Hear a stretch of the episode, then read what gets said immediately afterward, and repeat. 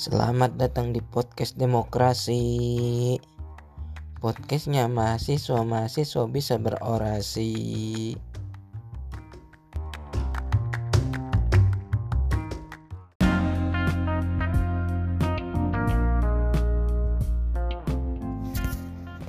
Ya, assalamualaikum warahmatullahi wabarakatuh. Kembali lagi di podcast demokrasi, podcastnya mahasiswa mahasiswa bisa berorasi. Yes.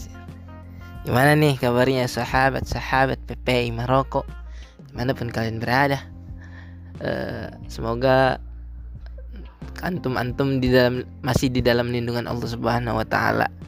Ya, mudah-mudahan tidak terkena penyakit yang sekarang lagi tenar nih masalah uh, semua itu udah sekarang tuh nomor pertama sehat mau kaya mau punya sawah mau punya ladang mau punya mobil banyak.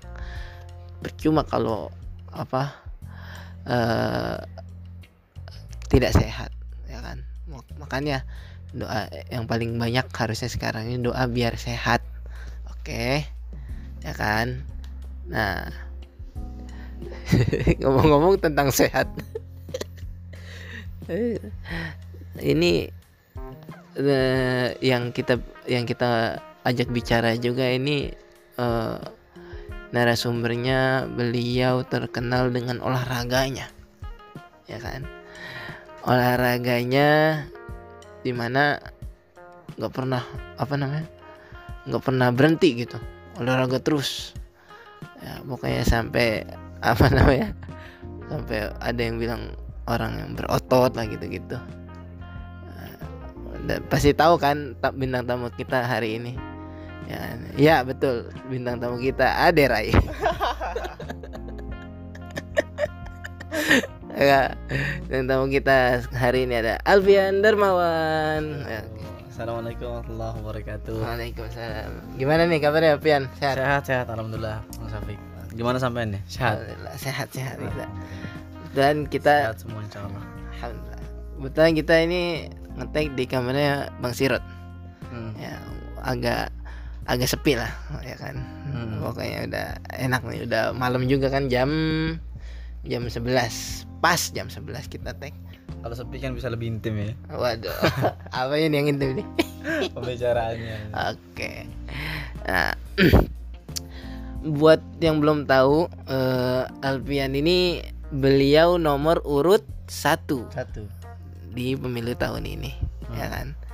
Uh, di KPU. Nah, gini, sebelum saya nanya nanti kita bakal kita ngobrolin tentang organisasi pernah berorganisasi di mana hmm. visi misi dan uh, yang lainnya nanti kita obrolin hmm. nah sebelum masuk ke situ uh, bagaimana rasanya antum merasakan pemilu pada tahun pertama di Maroko ini terutama di PPI Maroko maksudnya tuh.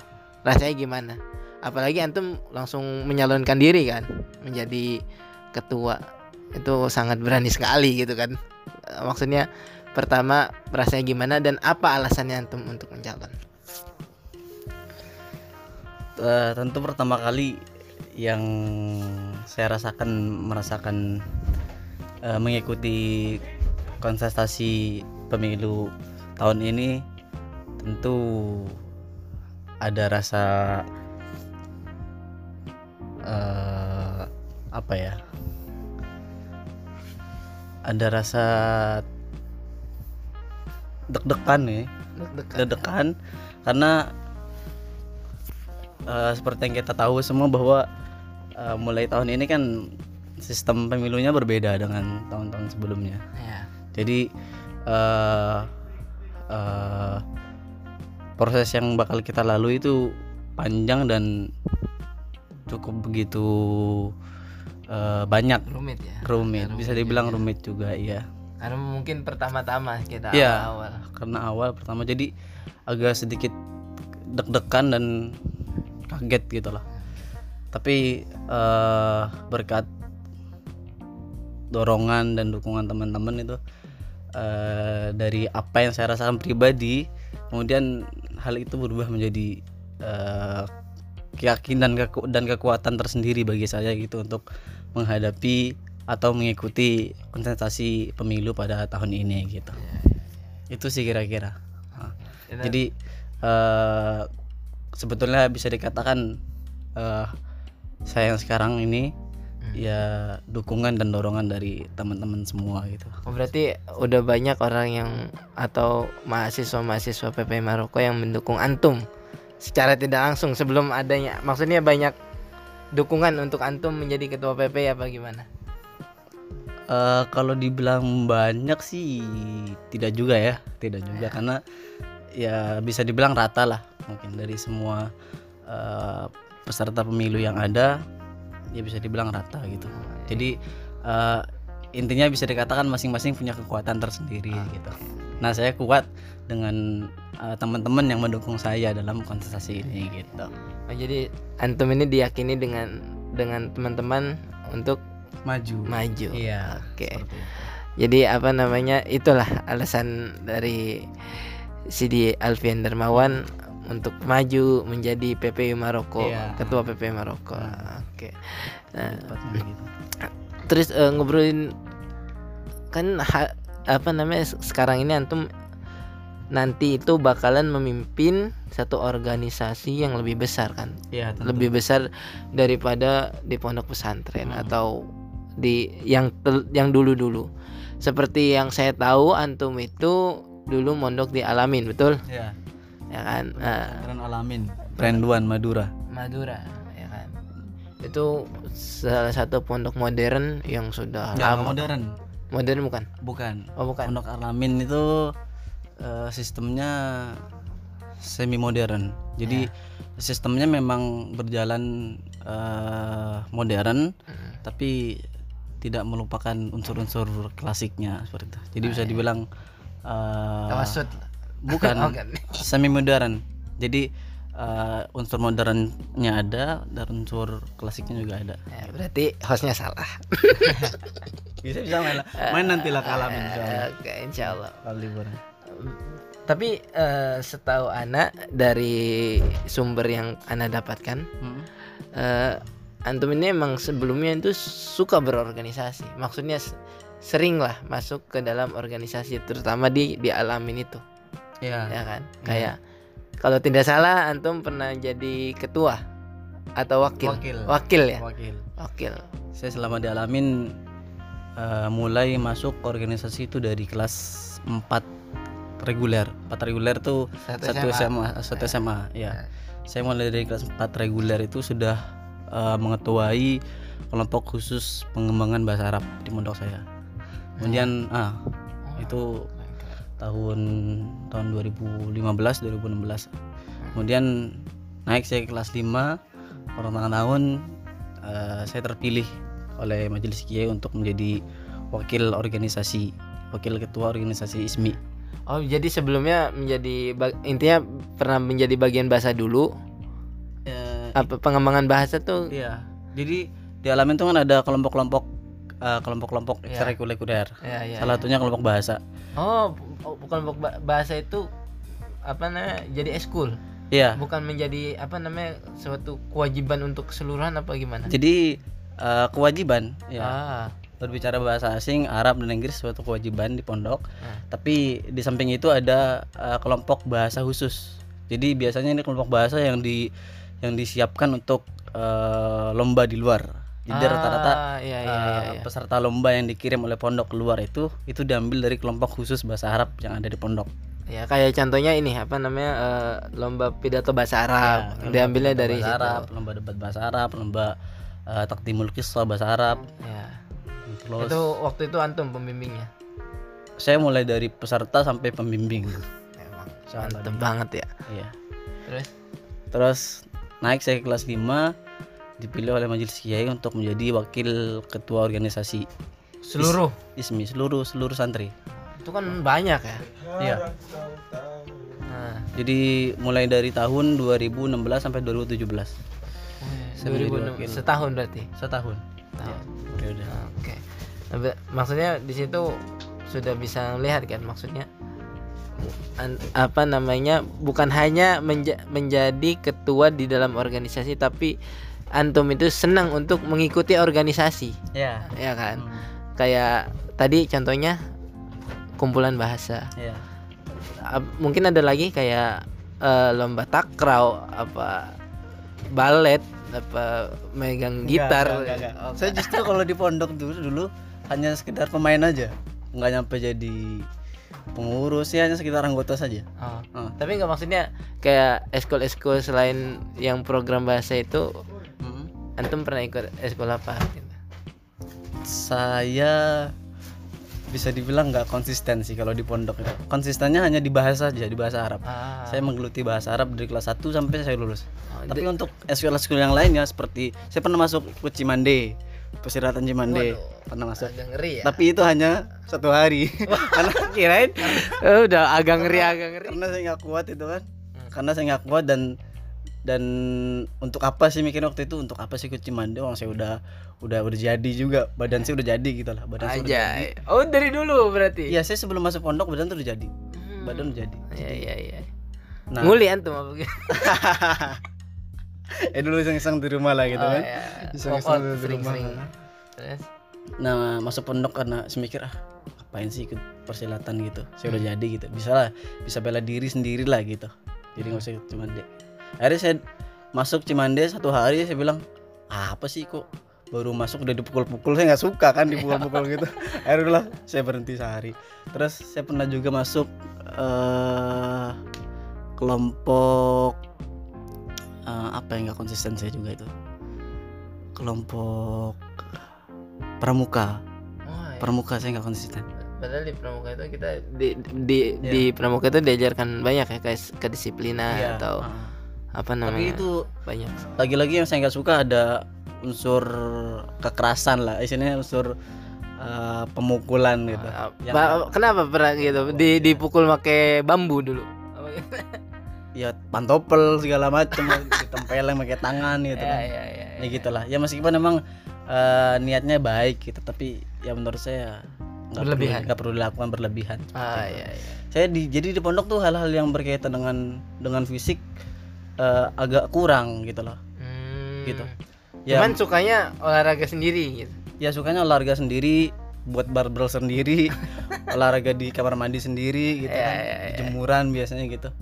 Terus ya yang lain lain paling olahraga lari terus main bola hmm. gitu gitu aja nah selebihnya saya lebih fokus ke uh, bahasa bahasa Arab terus saya lebih fokus ke uh, public speaking pidato. Ya, ya. saya juga selain de, selain uh, mengetuai kelompok khusus pengembangan bahasa Arab juga saya juga mengetuai eh nggak nggak mengetuai cuman menjadi wakil dari kelompok uh, eh, ROC namanya retorika orator klub oh jadi ya. kayak anak-anak yang anak yang pidato pidato anak-anak yang suka berpidato.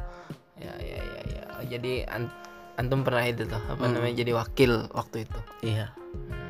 jadi fokusnya hanya di itu fokusnya di bahasa terus ditulis menulis juga. Jadi saya menjadi anggota redaksi di buletin aliyah uh -huh. buletin anak aliyah gitu. Jadi antum makanya lebih ke teknik ya? Kayak bukan ke fisik tapi ke teknik. Iya. Hmm, kayak lebih suka yang nulis nulis yang nulis ngomong. Ngomong. Depan gitu, gitu ah, aja ya, ya, di ya. pondok gitu. Ya di pondok. Terus setelah itu apa namanya kembali ke wakil. Nah di wakil itu antum itu apa ya kan biasanya kita tahu tuh wakil tuh hanya bekerja ketika tidak ada ketua gitu. Iya. Sedangkan ketua di pondok selalu ada. Hmm. Nah, waktu itu maksudnya apa? Maksudnya kerjaan antum ketika wakil itu waktu itu gimana? Apa aja gitu. Yang paling saya rasain ya menjadi wakil itu iya. uh, saya menetralkan anak-anak. Itu yang paling berat. Hmm. Menetralkan anak-anak. Jadi contoh, di, contoh. di alamin itu ada dua program. Ya. Ada program reguler, terus ada program intensif program reguler itu untuk untuk uh, anak-anak yang masuk dari dari dari SD ya jadi dia masuk ke alamin SMP sampai kelas 6 itu namanya program reguler nah kemudian ada kedua namanya program intensif program intensif itu program yang anak-anak yang masuk langsung ke SMA kelas 1 oh. SMA 2 3 namanya intensif iya iya iya iya nah nanti biasanya tuh yang yang yang lewat jalur intensif itu biasanya dulunya kalau nggak SMA eh SMP di luar, iya, SMP SMA-nya di alamin iya, gitu. iya, iya, iya. Itu program intensif. Nah, nanti mereka itu program reguler dan program intensif ketemunya digabungkannya nanti itu di kelas 5. Hmm, sebelum jadi pengurus. Nah, problemnya eh, ada doktrin-doktrin yang nggak baik tentang hmm, program intensif dan program reguler. Artinya eh, yang intensif harus harus harus megang organisasi harus menjadi ketua karena dia eh, yang lebih tua umurnya gitu. Ah, iya, iya. Tapi anak reguler juga eh, ada doktrin yang mengatakan bahwa anak reguler jadi ketua karena Karena uh, dia secara setia, secara umur di pondok dia Iya, juga iya, lebih tua paham, gitu. paham. Dia lebih paham keadaan pondok bagaimana, jadi dia lebih cocok untuk menjadi ketua yang megang organisasi gitu. masalah setiap Nah. tahun Iya, saya waktu itu jadi wakil organisasi kan. hmm. Nah, sebelum itu teman-teman saya yang reguler, saya anak reguler kan. Nah, teman-teman saya yang yang reguler itu sudah menggadang-gadang saya untuk menjadi ketua, untuk menjadi ketua organisasi itu.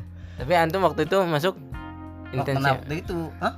Ah, dari reguler Saya apa udah reguler. Nah, Ah. Nah, teman-teman saya udah menggadang saya untuk jadi ketua organisasi. ya Nah, dari jalur reguler. Iya, dari jalur reguler. terus Nah, qadarullah majelis kiai memilih eh, yang jadi eh, ketuanya itu teman saya dari yang intensif. Hmm. Nah, nah saya jadi wakil anak reguler. Nah, akhirnya karena teman-teman saya kecewa, Hmm. saya nggak jadi ketua. Ya mereka eh, bisa dibilang mengancam mungkin dia mengancam untuk eh, tidak menjalankan amanahnya di organisasi itu. Hmm.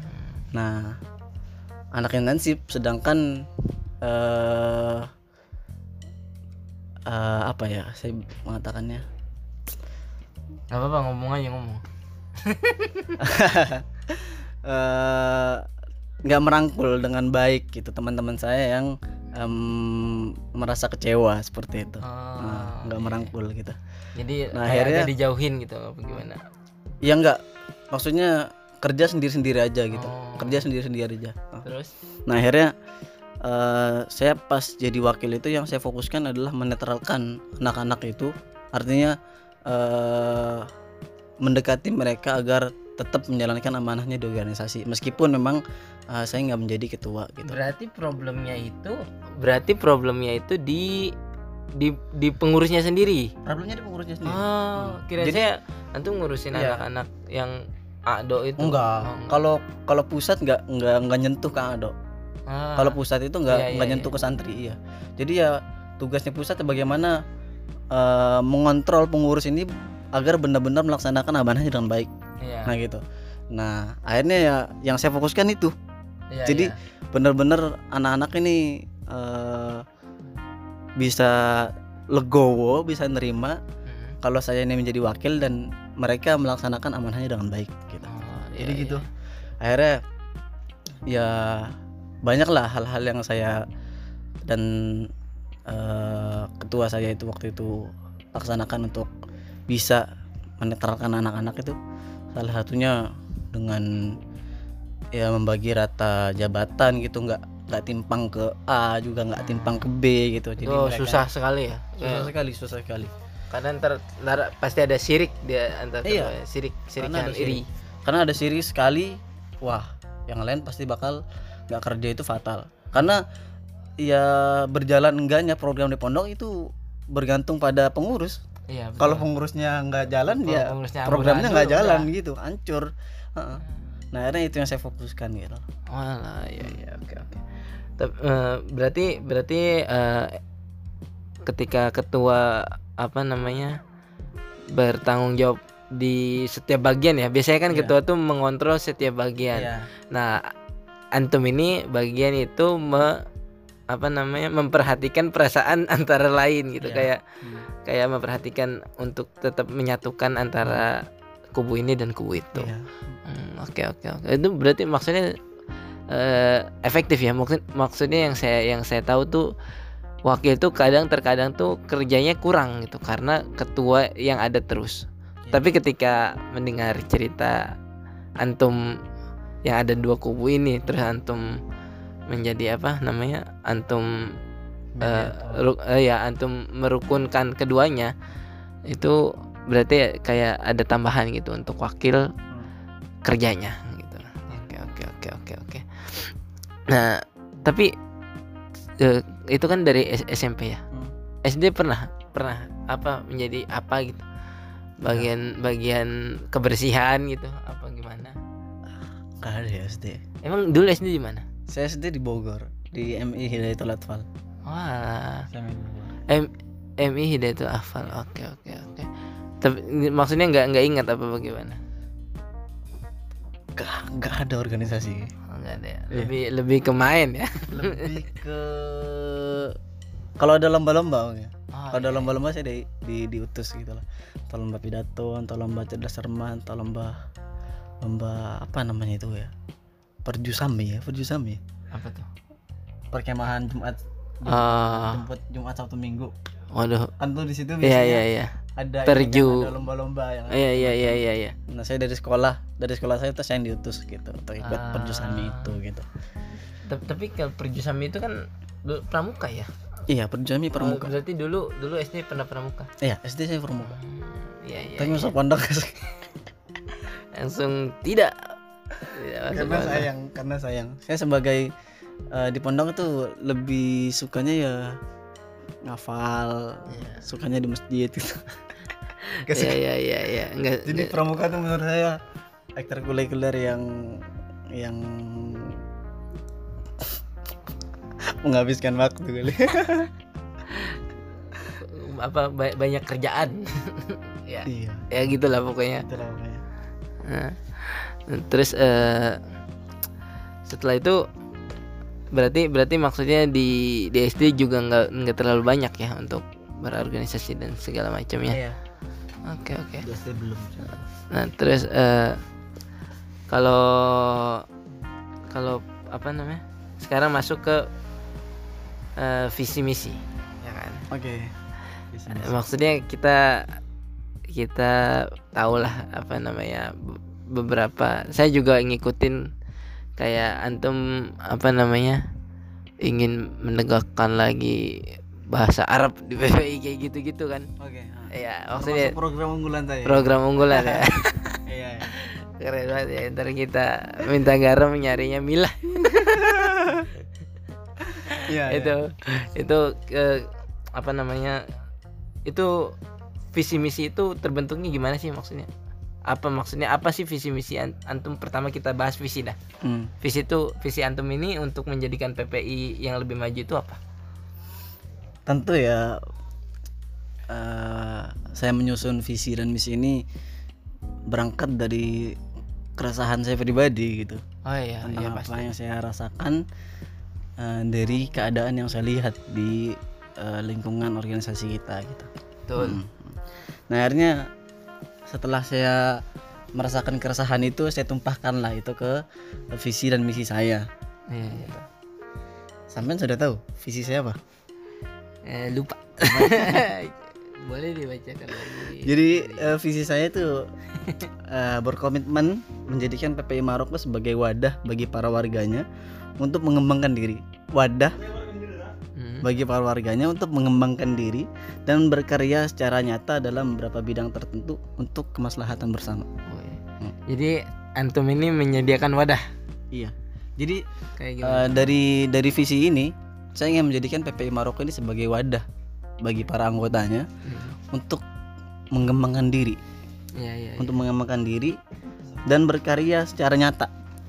Oke. Jadi dia berkembang dan berkarya. itu kita bisa tahu dia bisa berkembang itu gimana Nah, salah satu bukti dia berkembang adalah dengan berkarya.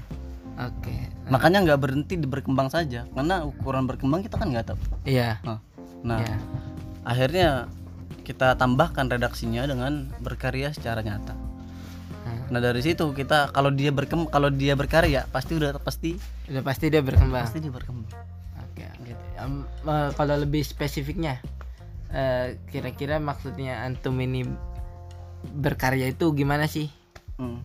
Nah ini kan juga dilanjut redaksinya berkarya dalam beberapa bidang tertentu. betul Nah jadi nanti kita akan fokuskan eh, ini di bidang pertama pendidikan, ya yang kedua di bidang olahraga.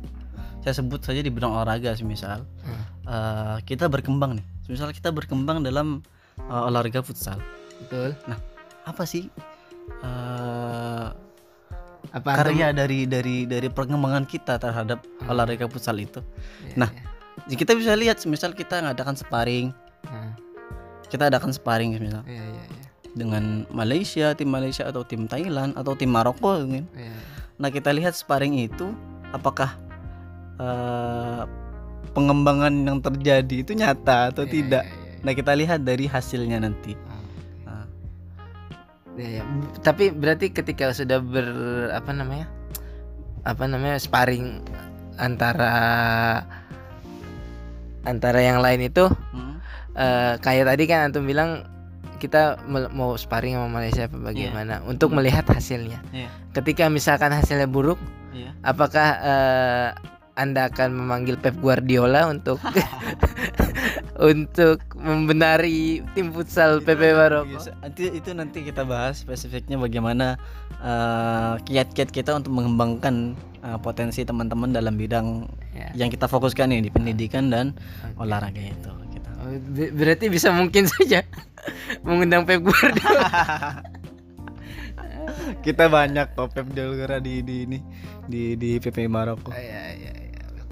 Oh, berarti lebih menjurus ke situ ya, ke bidang pendidikan dan olahraga. olahraga. Ntar sih kasih tahu juga alasannya kenapa saya fokuskan ke bidang pendidikan dan bidang olahraga. Nah, kenapa tuh?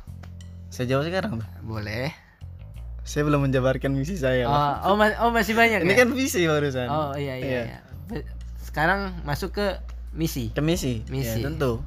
Nah, jadi setelah visinya tadi uh, menjadikan PP Maroko sebagai wadah untuk mengembangkan diri dan berkarya secara nyata di bidang tertentu.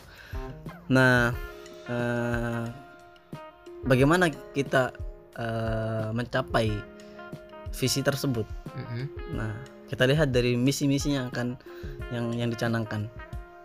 Pertama, uh, misi yang saya pegang adalah prinsip uh, al-muhafadzatu al-qadim as-salih al-muhafadzatu 'ala al-qadim as-salih wal akhdhu bil, bil jadid al-aslah. Nah, nah, kita sudah paham semua mustalah ini. Uh, iya. Nah, kenapa saya berpegang teguh terhadap uh, prinsip tersebut? Karena perlu ditekankan di sini bahwa uh, organisasi itu adalah uh, mengestafetkan sesuatu dari uh, yang sebelumnya kepada yang sesudahnya. Oke oke oke. Ya. Jadi bahasanya mengestafetkan. meneruskan atau Iya, meneruskan, melanjutkan. Ya, Jadi uh, bukan berarti ketika sudah ganti pengurus kemudian ganti juga programnya. Oh. Yang yang baik yang ada sebelumnya ditinggal dengan alasan ada yang lebih uh, ada yang baru, ada yang, yang baru, lebih baik, lebih baik menurutnya. Gitu. Sebetulnya yang harus ditekankan adalah kita pertama harus uh, uh, menjaga menjaga hal-hal yang baik yang sudah ada sebelumnya. Jadi pengurus yang ada sebelumnya itu mengestafetkan hal-hal yang baik ke pengurus yang setelahnya, setelahnya agar diteruskan kembali. Terus terus nah. menjadi menjadi sebuah kebiasaan. Iya, jadi menjadi sebuah sunnah. Sunnah. Ah, ya, jadi ya. menjadi sebuah sunnah. Jadi uh, ketika pengurus baru jadi, nggak bingung dia mau ngerjain apa. Betul betul. Iya, nggak bingung ngerjain apa. Dia tinggal uh, mempelajari hal-hal yang sebelumnya yang baik itu hmm. kemudian dia tuangkan ya. dengan uh, inovasi yang baru. Nah inovasi yang baru ini apa? Wal akhzu bijadil aslah. Nah ini beda lagi. Jadi uh, pertama kita tekankan itu dulu ambil hal-hal yang baik yang lama itu kemudian kita ungkapkan ke uh, inovasi yang baru kita Oke. Okay. Hmm, jadi misalnya uh, acara wisuda tahun ini sih misal. Uh. Nah, kita estafetkan ke pengurus selanjutnya. Nah, tapi dengan konsep yang lebih menarik. Yeah. Nah, itu kan berarti uh, ada pengembangan dari itu gitu. Yeah, jadi iya, nggak yeah. nggak plek harus sama dengan yang yeah, yeah. yang yang sebelumnya itu juga nggak nggak iya, iya. nggak nggak nggak bagus lah. Maksudnya uh, ya ditingkatkan gitulah ya kayak misalkan lah gitu kan misalkan tahun ini nggak ada bintang tamu hmm. gitu artinya uh, setiap tahunnya harus ada pengembangan, pengembangan gitu ya, ya, ya. jangan oke okay, boleh niru tapi ya jangan niru blas blak juga Iya. kan nggak itu nggak baik ya gitu. Eh, ya nggak baik gitu jadi tetap juga harus dikembangkan itu tetap maksud saya nah, oke oke hmm. oke. terus nah beda lagi dengan al akhdhu bil jadil dan aslah nah itu dari kita pribadi. Jadi ada sesuatu inovasi program yang kita punya kita terapkan di pengurusan kita. Ya gitu loh. Yang belum ada sebelumnya. Jadi jadi jadi bahasanya Benar-benar jadi jadi jadi belum ada yang sebelumnya. Eh, tapi nanti tentu nanti di- dilihat bagaimana eh, maslahatnya. Iya, dan eh, korelasinya kesesuaiannya dengan lingkungan yang ada. Kita harus pikirkan program yang baru yang ingin kita canangkan itu apakah bagus sesuai dengan lingkungan iya. kita. Nah, itu, itu dan yang juga yang penting dapat berlanjut. Nah kira-kira bisa dilanjutkan nggak nih Iya. program ini? Jadi nggak hanya oh ini bagus. Ini cocok dengan lingkungan kita cocok dengan keadaan kita. Tapi nggak bisa dilanjutkan ke eh, pengurusan selanjutnya. Nah Iya, itu juga harus di, diperhatikan gitu. Jadi harus eh, bagus eh, sesuai dan juga eh, terus menerus Iya. seperti itu kalau dilihat-lihat ya hmm, eh, di pengurusan dulu itu ketika zamannya Bang Muktamid Hmm? beliau itu lebih condong ke media. Hmm, media dan informasi. Hmm, yang eh, yang nomadennya itu sangat bertolak belakang dengan apa yang antum pengen nih apa yang antum laksanakan. Kan kalau dia media. Hmm, kalau antum ini kan pendidikan dan olahraga Hmm. ya kan maksudnya gimana apakah antum juga akan apa namanya meneruskan estafetnya beliau untuk me- apa namanya mem- memper- memperbagus media oh oke bidang media oke oke ditangkap oke ditangkap gimana Oke ditangkap. Itu juga itu yang perlu jadi jadi titik tekan di situ. Nah, memang memang dalam dalam dalam kepengurusan yang akan saya pegang ini enggak yang nggak akan saya yang nggak tahu ya. ya kan Cuman ini bayangan saya, ya. bayangan dari kepengurusan yang akan saya pegang ini memang fokusnya nanti di pendidikan dan di olahraga. Ya. Tapi eh, lagi-lagi saya tekankan bahwa tetap akan menjaga sunnah-sunnah yang yang baik yang sudah ada gitu loh. Salah satunya yang pernah dicetuskan oleh ketua kita eh, dua tahun yang lalu, Kang Mutamid, Iya. Mas Mutamid. Nah beliau kan fokusnya memang di bidang media gitu.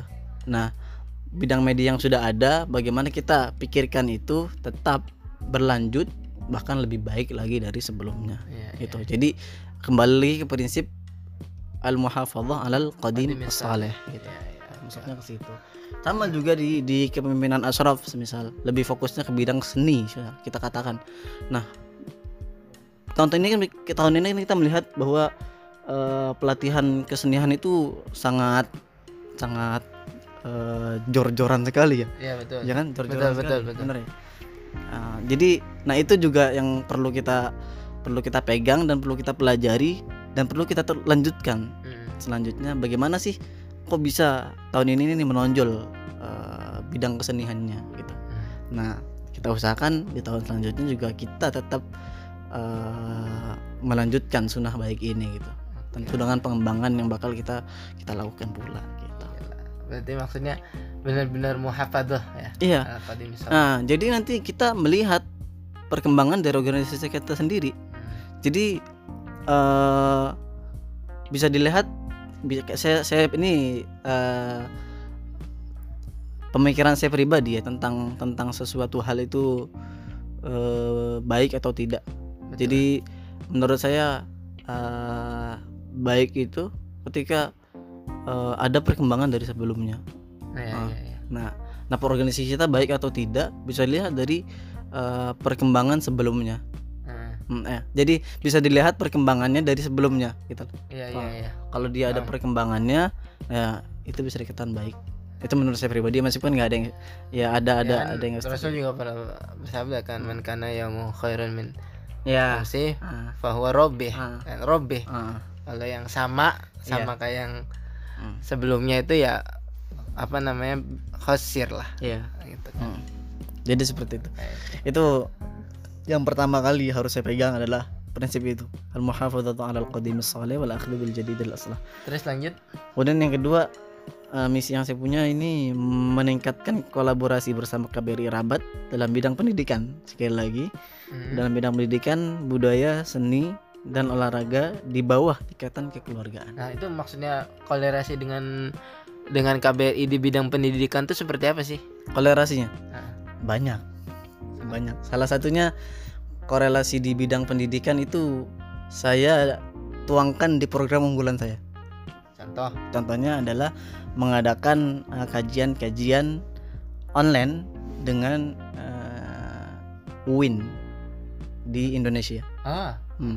Berarti... Jadi saya ingin mengangkat isu-isu yang ada di Indonesia.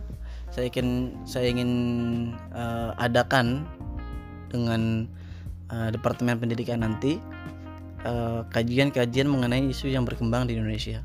Yeah. Yang diisi oleh dosen-dosen uh, dan guru-guru yang ada di UIN. Nah, seperti itu. Kalau kayak maksudnya biar biar apa sih kayak gitu tuh? Hmm? Maksudnya buat apa gitu? Kita apa namanya kayak tadi kajian-kajian untuk mengetahui isu-isu itu tentu dong tujuannya ya kita ya mahasiswa Indonesia up, kita update. kita iya. ya kita untuk update dan tentu kita nggak boleh buta dengan dengan keadaan negeri kita sendiri dong betul ya kan ya. nah jadi uh, jangan sampai mentang-mentang di luar negeri kemudian uh, isu-isu yang berkembang di negara kita kita nggak tahu gitu loh. Ya, ya, ya, nah ya jadi jangan ada tanggapan uh, orang-orang yang kuliah di luar negeri nih yang nggak tahu apa-apa gitu tentang yeah. tentang tentang Indonesia gitu. Karena dia hidup di luar negeri enggak enggak gitu gitu. Salah kita, satunya salah satunya itu tuh. Ya salah satunya itu. Ya terus? salah satunya itu. Jadi kita ingin uh, berkolaborasi bersama KBRI Rabat dalam bidang pendidikan ini. Salah satunya itu. Hmm. untuk untuk mengadakan kajian online tentang isu yang berkembang di Indonesia. Program unggul lah ya okay, ya. dan sebaliknya pun uh, kami juga akan mengadakan uh, sebagai timbal balik ya dari dari kajian akan kita laksanakan bersama UIN uh, sebagai timbal baliknya kita akan melaksanakan juga kajian online dari universitas yang ada di Maroko untuk di uh, di apa namanya dipasarkan apa ya? Yeah. di diadakan apa diikuti diikut sertakan oleh peserta dari Indonesia gitu. Oh iya, hmm. jadi biar uh, mahasiswa Indonesia juga tahu. Iya, tahu, tahu nih isu-isu yang berkembang di sini nih. Apa iya, nih? Iya iya iya. Itu itu lumayan maksudnya kalau dilihat ya, kalau iya. dipikir berat sih. Maksudnya Iya. Sangat dipikir berat, berat sedikit berat, berat iya. banget. Tapi ya tentu kita makanya menggait KBRI tentu sebagai uh, rumah kita bersama ya tentu akan mudah gitu loh yeah. itu akan mudah uh, untuk uh, melancarkan dan mensukseskan acara ini gitu yeah. loh hmm. be, be, tapi kalau dilihat uh, terlebih kita juga bakal menggait Himami dalam hal ini hmm. Himami ya hmm. ya ya siap Himami pun juga kan uh, salah satunya yang sekarang lagi digencarkan kan tentang kemarokuan uh, iya kan? Iya iya tentang iya. kemarokuan kita di Indonesia belum apa ya bahasanya sekiranya belum begitu belum, belum begitu tenar tahu. ya. Tenar banget tahu iya. banget. Belum begitu tahu. Sesuai ya kalau kalau saya bilang belum begitu tenar.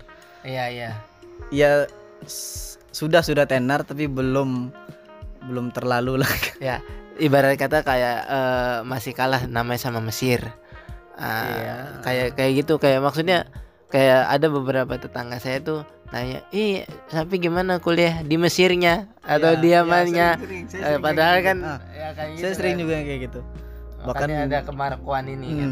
Bahkan pas pendaftaran Timur Tengah kemarin-kemarin ini banyak yang ngechat saya di WA saya juga nggak tahu itu dapat nomor dari mana terus ngechat ke saya kak uh, minta bimbingannya dong tentang lanjut studi di Sudan. Wah. Lah. saya bilang, wow, Sudan. Dapat dari mana Sudan? Perasaan saya nggak pernah posting atau nyebarin hal-hal kesudanan gitu di di akun media sosial saya gitu. Harusnya ente balas. Iya kebetulan saya di Aljazair.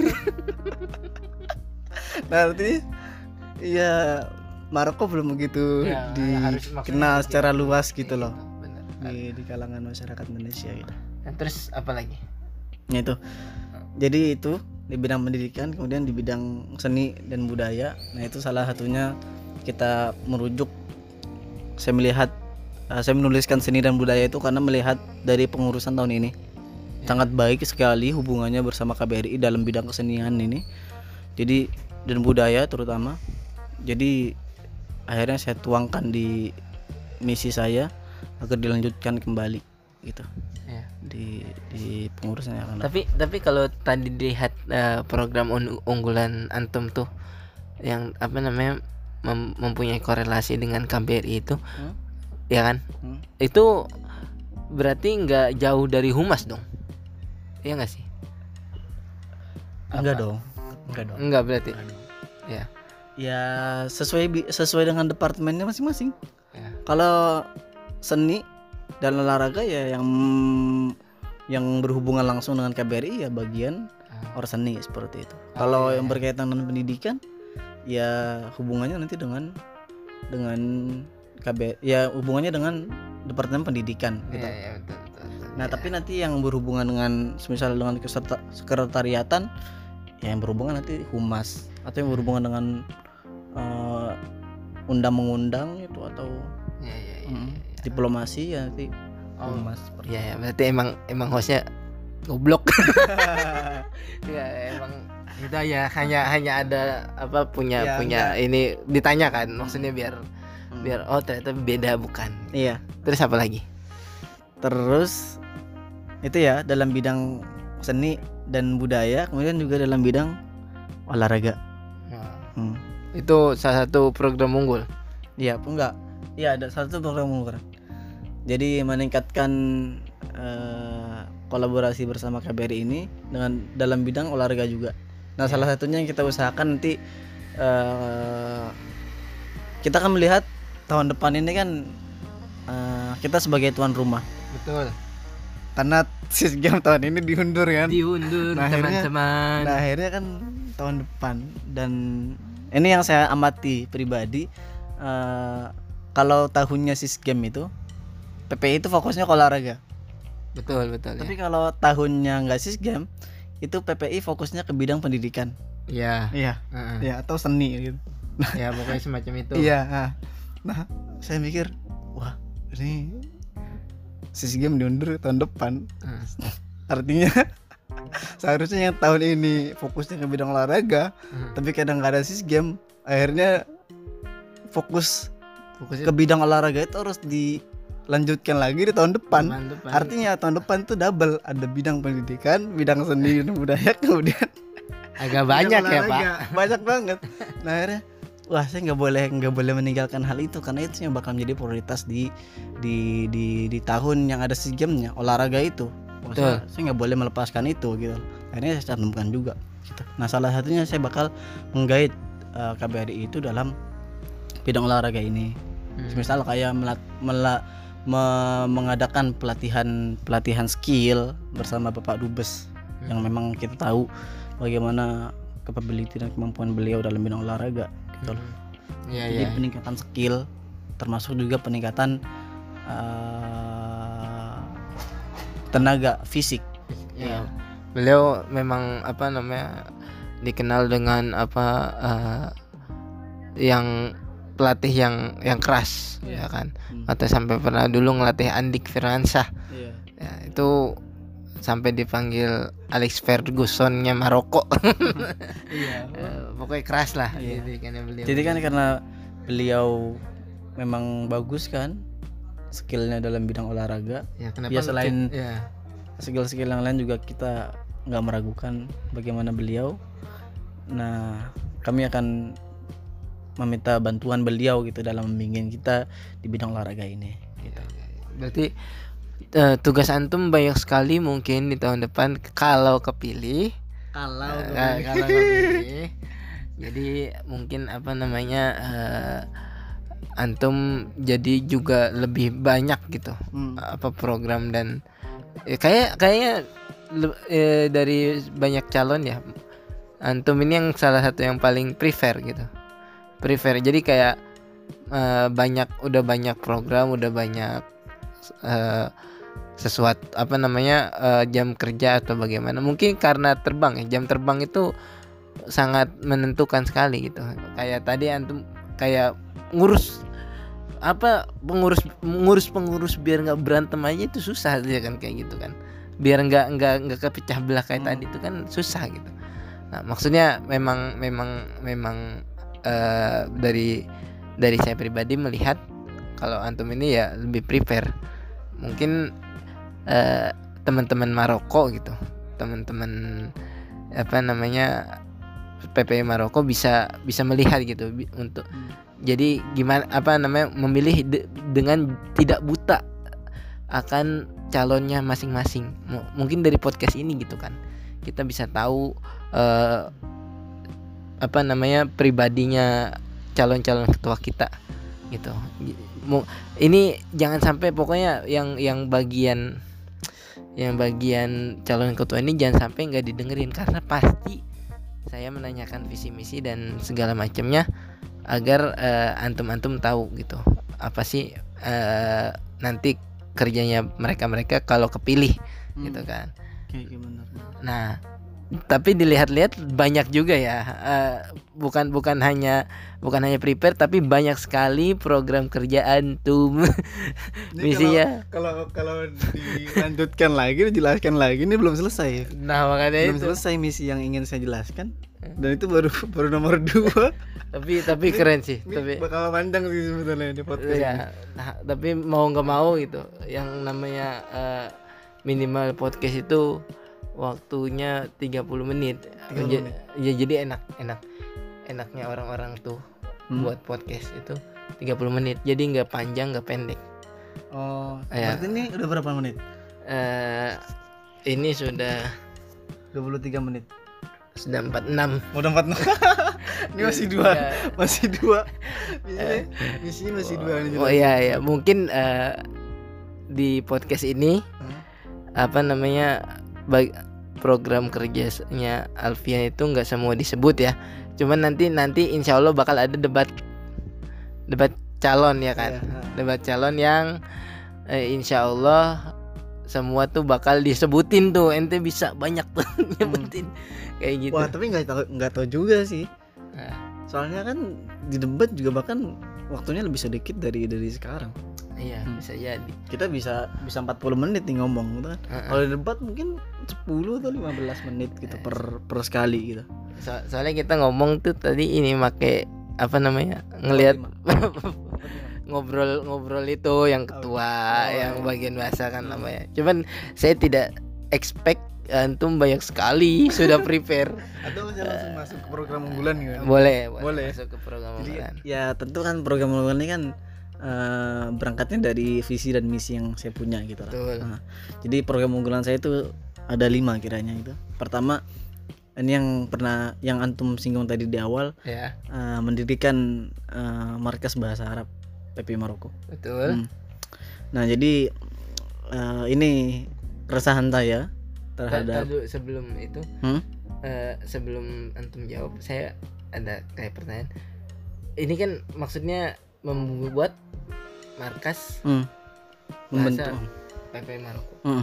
Nah, kita bisa maksudnya kita bisa tahu tuh bahwasannya PPI Maroko itu tidak sekecil pondok pesantren. Maksudnya ketika kita mengurus pondok pesantren itu kita bikin markas apa bahasa Arab PP apa itu markas bahasa Arab itu gampang gitu. Hmm. Maksudnya kita ngumpulin santri ini ini hmm. gampang itu. Pokoknya tapi nggak nggak sekompleks dengan yang di PPI Maroko. Nah, yeah. gimana nih cara nanganinnya? Gitu. Oke okay, oke okay. Okay. Ini lebih ke teknis ya pembahasannya. Ya, cuman sebelum jawab yang itu mungkin bisa dijelasin. Yeah. Ya. Jadi ini kan uh, program unggulan pertama ini pembentukan markas bahasa Arab PP Maroko tuh berangkat dari keresahan saya pribadi uh, melihat bahwa uh, teman-teman itu yang masih perlu dikembangkan adalah dalam segi bahasa. Uh, dalam segi berbicara oh, dalam iya. segi berbicara nah salah satu pembentukan uh, markas bahasa Arab ini adalah yang akan ditekankan nanti adalah pengaj pengajaran berbicara bahasa Arab. Itu yang pertama. Yeah, saya yang saya nggak mengatakan teman-teman tuh nggak nggak tahu bahasa Arab enggak ya? Hmm. teman-teman tuh sudah ngalim banget. Hmm. kita nggak usah ditanya. Tahu baca ini harokat apa ini harokat apa tahu semua. Kita nggak meragukan itu. Betul. tapi ketika berbicara mohon maaf saya harus katakan uh, belum belum belum lancar seperti itu. Yeah, belum yeah. lancar. Nah yang akan kita tekankan adalah uh, uh, segi berbicara berbahasa Arab gitu yeah, jadi betul. kita jangan sampai balik ke Indonesia uh, tapi bahasa Arab kita masih talaj luj bahasanya masih uh, tersendat-sendat gitu oh, iya, iya. kita harus ya minimal presentasi bahasa Arab oke okay. hmm. siap gitu hmm, iya satu hmm. paragraf tuh iya lancar lancar nah nanti bagaimana program yang akan kita laksanakan di uh, markas bahasa Arab ini ya ntar kita bicarakan lagi di departemen pendidikan intinya nggak bisa kita jelaskan di sini karena bakal panjang gitu loh sekali iya. intinya fokusnya akan kami uh, terapkan itu dalam bidang dalam bidang berbicara bahasa Arab gitu. Oke. Itu yang pertama. Gitu. Jadi, yang selanjutnya Selanjutnya apa masih ada lagi? Kalau sampai yang teknis tadi, pertanyaan teknis tadi perlu saya ya, boleh, boleh. Perlu tuh. Boleh. Atau nanti aja. Gak apa apa. teknis ya, untuk teknis ini. Jadi kan ya, pembentukan markas bahasa Arab PPI Maroko ini bekerja sama dengan uh, markas Jusur Mustakbal di Kenitra oh. yang langsung dibina oleh uh, pembimbing saya pribadi, pembimbing uh, skripsi saya Ustazah Dr. Mariamet Ahmed. Iya. Nah, dua tahun sebelumnya ketika saya menjabat sebagai humas sudah menjalin hubungan hubungan ini, hubungan uh, Ta'limul Lughal Arabiyah bersama markas Jusur Mustakbal itu. Nah, kemudian di tahun ini, di tahunnya Mas Arasorof juga lanjut kembali sudah diadakan perekrutan anggota ya meskipun memang dari pihak Pangras sampai sekarang masih ada kendala yang menyebabkan uh, pembelajaran bahasa Arab belum dimulai lagi gitu karena ya satu dan lain hal sebabnya gitu. Hmm. Nah, jadi itu yang pertama. Teknisnya nanti kita bakal kerjasama dengan markas Jusur Mustakbal dalam pengadaan taklimul lughal arabiyah. Iya. Itu taklimul lughal arabiyah. Nah, bagaimana sistem pengajarannya? Tentu dong markas hmm. punya sistem itu. Pasti ada Pasti. udah. Nah, pertanyaannya markas itu uh, harus ada wadah lagi gitu karena yang diajarkan adalah uh, mahasiswa asing non Indonesia gitu iya, iya, jadi iya. harus ada wadahnya lagi nah wadahnya itu adalah PPI Maroko jadi dari PPI-nya Maroko dari PPI Maroko harus ada juga yang uh, mengepalai atau yang mengemondai teman-teman untuk uh, mengatur hmm. uh, kegiatan pembelajaran bahasa Arab itu iya, iya, gitu iya. iya. nah jadi sistem sistem sudah jelas nanti akan uh, dari ada pihak markas nah kebetul betul uh, kemudian bagaimana nanti program-program uh, markas bahasa ini apa hanya sekedar itu aja pembelajaran bahasa Arab itu tidak yeah. kita dari uh, departemen pendidikan juga nanti bakal membahas program apa lagi yang akan di uh, diterapkan di uh, markas bahasa ini gitu loh. Hmm. Misal dari kayak pelatihan uh, kalau bahasanya sih uh, pelatihan takalum. Nah, berbicara, ya, berbicara bahasa Arab. Hmm. Nah, di markas Jusur Mustakbal itu yang ditekankan juga ke teman-teman bahasa ke teman-teman Indonesia dari semenjak dua tahunnya lalu dimulainya daurah itu itu yang ditekankan adalah berbicara bahasa Arab begitu. Hmm. Nah, di di kami juga salah satunya itu juga bakal uh, memfokuskan program pengembangan berbicara bahasa Arab ya. Tapi tapi markas yang tadi markas apa namanya? Jusur Mustakbal. Markas Jusur itu hmm. lebih kayak ke kursus apa gimana? Lebih kayak ke kursus. Kursus ya. Dia hmm. dia tuh kursus ya. Iya. Ah, berarti enggak kalau kayak itu dia dia bayar apa gimana? Tentu. Hmm. Tentu bayar. Nah, apakah nanti anak-anak PPI ini bakal bayar juga untuk mendapatkan dari, ilmu dari Jusur. dari dua tahun yang lalu sudah bayar oh. dari dua tahun yang lalu sudah bayar karena bisa dibilang markas ini ya bayar itu bukan untuk bukan untuk bukan untuk apa ya? Bukan untuk dapat untung. Iya. Iya karena emang, emang buat ngajar. Iya karena emang buat ngajar. Khusus emang bener-bener pengen ngajarin uh, anak ngajarin anak-anak anak-anak Indonesia gitu. Mengembangkan kemampuan teman-teman Indonesia gitu. Iya. Nah jadi pas awal itu eh, kita dimintai uang 200 dirham untuk enam bulan, Iya. untuk enam bulan. Nah 200 dirham itu ya untuk eh, tahdidul mustawa. Sebelum waktu itu kan belum corona, Hmm. jadi untuk untuk tahdidul mustawa, terus untuk pengadaan papan tulis segala macem, terus buat apa lagi ya? Ya segala akomodasi Iya, iya, pembelajaran iya, iya. itulah kita. buat buat pokoknya intinya Hmm. intinya jelas di alirannya alirkannya ke mana Salah gitu. satu juganya juga buat pengadaan Zoom. Hmm, berarti yang- kemarin yang tahun corona itu masih tetap masuk? Iya. Hmm, pas saat saat corona? Iya iya. Saat corona belum. Oh nggak masuk? Nggak masuk. Nggak buka zoom? Nggak buka Zoom. Hmm, nah kemudian kan diadakan perekrutan yang kedua nah itu salah satunya eh, akomodasinya yang di di dialihkan ke pengadaan Zoom itu gitu oh, iya iya iya Mm-mm. iya nah terus eh, apa namanya Nah, teknisnya nanti bagaimana teman-teman teman-teman Indonesia mengikuti eh, program yang ada di markas ini? Mhm. Ya, tentu kita mengikuti eh, hal yang sudah menjadi eh, kenormalan dalam hidup kita yaitu eh, internet itu online. oh berarti online nanti berbasis online. oh, Iya. ber- berarti bukan maksudnya talaki bukan wajah temu wajah Enggak. Hmm, Jadi berbasisnya online. Kalau untuk pembelajaran bahasa Arab bersama markas. iya. Tapi kalau untuk eh, kegiatan-kegiatan yang kami adakan, Departemen Pendidikan adakan, itu bisa jadi nanti bersifat offline juga dan online juga gitu. Kita melihat keadaan gitu. Iya iya itu itu yang pertama tuh. Yang kedua Yang kedua eh, mendirikan kajian Ma'had Nusantara apa di tuh? Sekretariat PP Maroko. Jadi PPI nih, PP Iya. PPI ini nih, Ya. kita pengen adain keadain eh, kajian Ma'had Nusantara, Mhm. ngaji-ngaji kitab.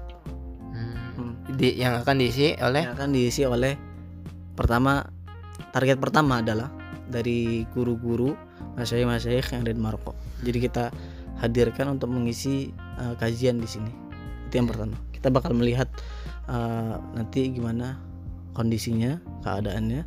Jika memungkinkan dan bisa, kami akan adakan kita akan datangkan ke sini untuk mengisi kaj- mengisi kajian yang ada gitu loh. ya ya ya. Nah yang kedua target yang kedua kalau emang nanti masyayikh nggak ada kita bakal memberdayakan eh, kakak-kakak kelas kita yang memang ahli, ilmu. ahli dalam bidang Ya, eh, mengkaji kitab ya betul betul. gitu loh. betul, betul. banyak sekali nggak itu nggak terhitung banyak sekali jadi eh, kita harus berdayakan itu kita harus eh, Salurkan lah ya. kita harus eh, adakan tempat kita berikan wadah Hmm. agar uh, kegiatan ifadah dan istifadah bainal kibar was sigar itu berjalan gitu loh. Siap siap siap siap. Gitu. Itu kajian Ah. Nusantara di sini di PP Maroko. Pokoknya nggak ngaji apa aja tuh kayak Ngaji apa aja. Nanti fikih. bisa di, di nanti di di dirembukan oleh bidang oleh Departemen Pendidikan. Berarti maksudnya eh, dari dua program ini aja saya mikir ini kerja di apa bagian pendidikan nanti kalau Iya. Alfian jadi wah digedor sekali nih. Iya.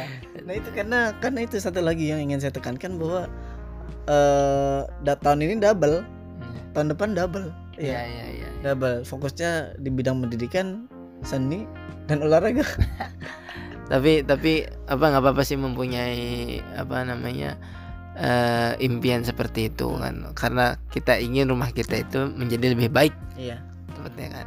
Nah, terus eh, lanjutnya apa? Lanjutnya yang ketiga ini yang tadi saya eh, ungkapkan di awal mengadakan diplomasi pendidikan dengan berbagai universitas di Indonesia terutama UIN Hmm. jadi itu Kenapa Win? ya sesuai dengan kita lah Ah, iya iya iya. kan iya. kita kan di di Rosat Hmm. di Rosat Islamiyah Tapi mungkin Ya, sesekali sini bisa kan, eh, redaksinya berbagai universitas di Indonesia tapi mungkin yang bakal ditekankan itu dengan UIN gitu loh Oh, Mm-mm. kalau bisa mau win gitu. iya Ya, ya, ya, ya, ya. Mungkin Universitas Pa- Pajajaran minggir dulu. soalnya kan Ya.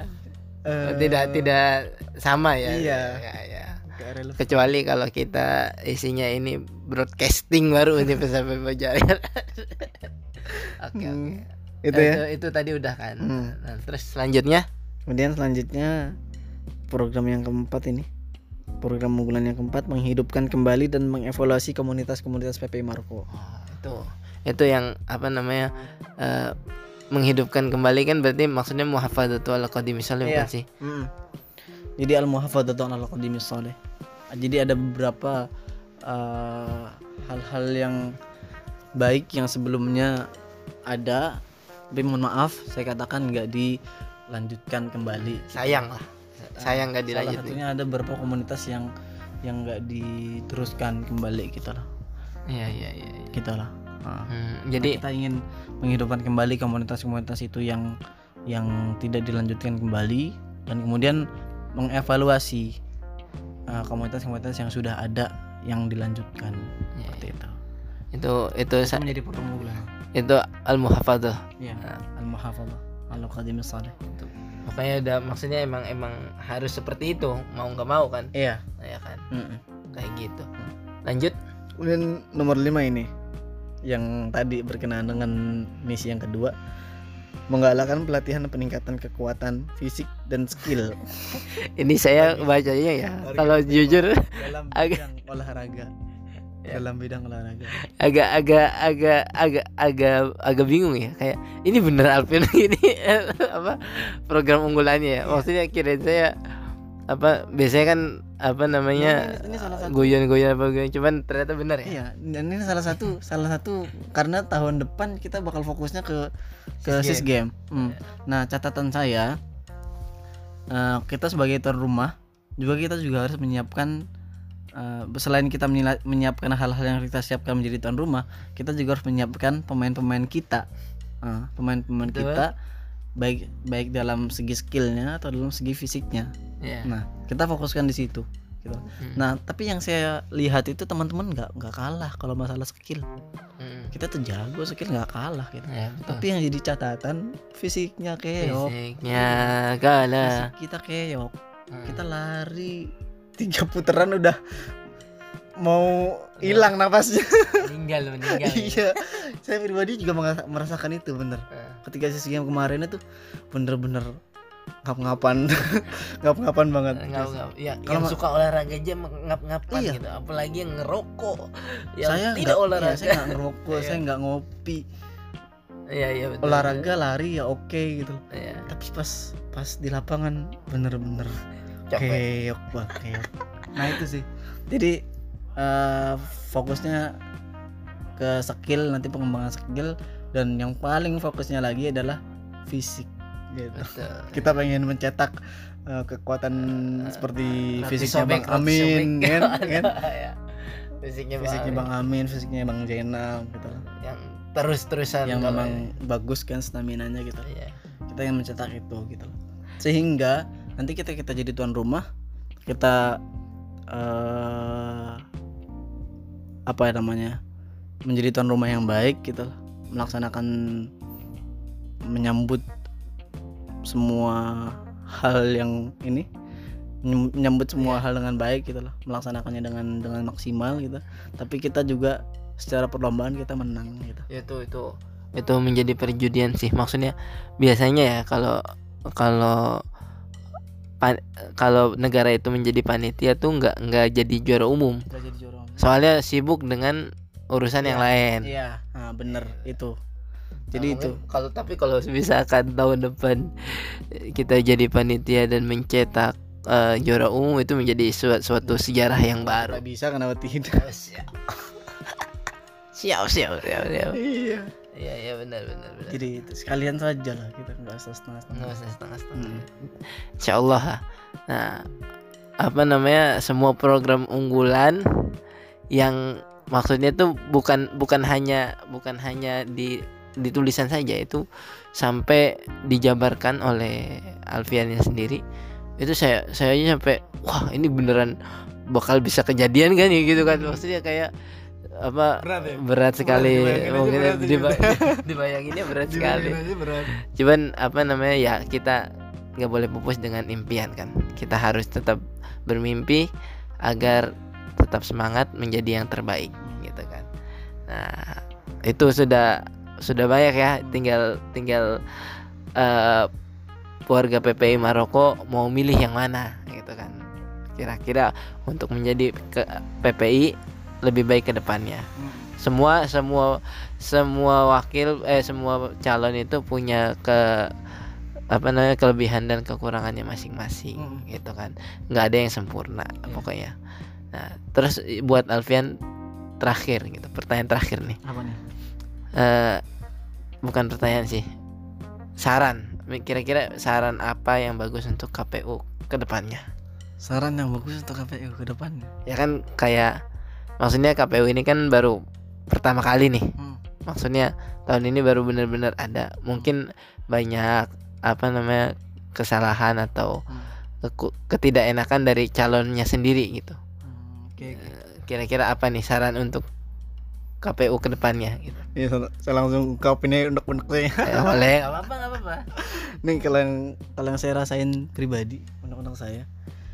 Uh, eh, KP, KPU secara kerja sih bagus ya, bagus banget kita ngeragukan itu. Hmm. Cuman mungkin dari penjadwalan penjadwalan agenda agenda uh, pemilu ini pemilu, yang iya. yang menurut saya pribadi agak lama ya agak ah. lama ah. maksudnya agak lama gimana panjang gitu oh, nggak bisa diringkas gitu iya, maksudnya maksudnya uh, adanya mungkin sebulan atau dua bulan mau dua maksimal dua bulan lah.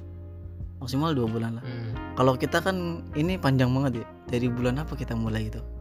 Dari mulai pendaftaran itu oh iya. nanti pemilihan kan jauh banget itu ya. Iya. nah itu mungkin yang yang saran saya mungkin agak diringkas lagi gitu. Jadi karena apa, karena bingung kita kita sebagai sebagai peserta ini kan sebagai calon gitu itu benar-benar apa ya mas? Kalau kita bilang malas ntar kita dibilang aneh ya cuman emang benar-benar panjang gitu loh. Jadi yeah. kita memikirkan konten juga harus banyak gitu loh. Hmm.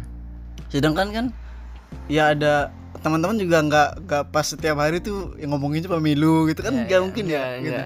jadi lebih kadang-kadang. lebih baik uh, seringkas tapi dia euforianya kerasa gitu iya. pemilunya kerasa gitu. Yeah, yeah, yeah, gitu. jadi nggak perlu lama-lama lah menurut saya gitu sebulan atau dua bulan cukup gitu oh, itu dari, dari waktu pendaftaran uh, calon peserta sampai pemilihan itu hmm, itu maksudnya saran ya maksudnya iya. kalau bisa jangan panjang-panjang iya. diringkaskan karena ya kalau saya juga rasa rasain sendiri hmm. kayak waktu ini aslinya aslinya kan saya PPS sekarang nih hmm. pengawas apa cuman sebelum dipilih jadi pengawas tuh saya menjadi timnya Alfian Darmawan. Oh ada tim saya. Dulu, sebelum menjadi PPS itu waktu awal-awal memang euforianya sangat ini kan. Iya. Wah ini kita mau ini ini ini ini. Pas dimulai di, dibolehkannya kampanye itu kan ramai banget ya? Iya. Ramai banget. Iya. Tapi kan nah, setelah dari itu kan setelah udah, sudah masuknya karena mikirnya ah, masih panjang. Masih panjang gitu. Coba seandainya kan diringkas sebulan gitu. Hmm. itu dari mulai pendaftaran calon sampai dibolehkannya kampanye itu kan udah udah rame kan. Hmm. terus sampai pemilu itu ramai banget pasti. Ya, ya. Eh, soalnya apa ya? Soalnya uh, euforia yang sekarang nih euforia euforianya pemilu itu kalah sama ulangan. Bener bener jadi sebenarnya anak-anak sudah tidak tidak peduli. Dengan pemilu kepikiran istidrok maksudnya. Ya maksudnya kayak gitu. Apa namanya sudah mikirin istidrok apa bagaimana. Jadi ke distract lah iya. bahasanya teralihkan iya, pikirannya. Mungkin mungkin mungkin itu sarannya. Iya. nah, karena sekarang saya menjadi PPS saya tidak bisa mendukung anda sepenuhnya. Oke mungkin itu saja ya makasih nih maksudnya kasih, banyak banyak apa banyak apa ya program-program yang saya pikir tuh keren ya dan tantangannya lebih berat pasti gitu kan. Mungkin ya kayak gitu. Dan tinggal balik ke kitanya dan ke anak-anak PPI ayo ketika uh, apa namanya ketua semangat untuk mengerjakan seharusnya anggota juga semangat untuk melakukannya. Insya Allah ya. dengan kerjasama semua anggota Insya Allah. Insya Allah. Semuanya menjadi baik dan PP menjadi lebih keren. Amin amin ya robbal alamin ya. Mungkin cukup sekian. Makasih nih. Ya, makasih. Ya, oke, udah malam juga nih. udah jam udah jam sebelas eh, udah jam 12 ngeri banget keren paling lama kayak ini paling lama keren banget keren oke ya the best lah mungkin cukup sekian dari saya. Syafiq Farhan sebagai host wabillahi taufiq wal hidayah. Wassalamualaikum warahmatullahi wabarakatuh. Waalaikumsalam. Berapa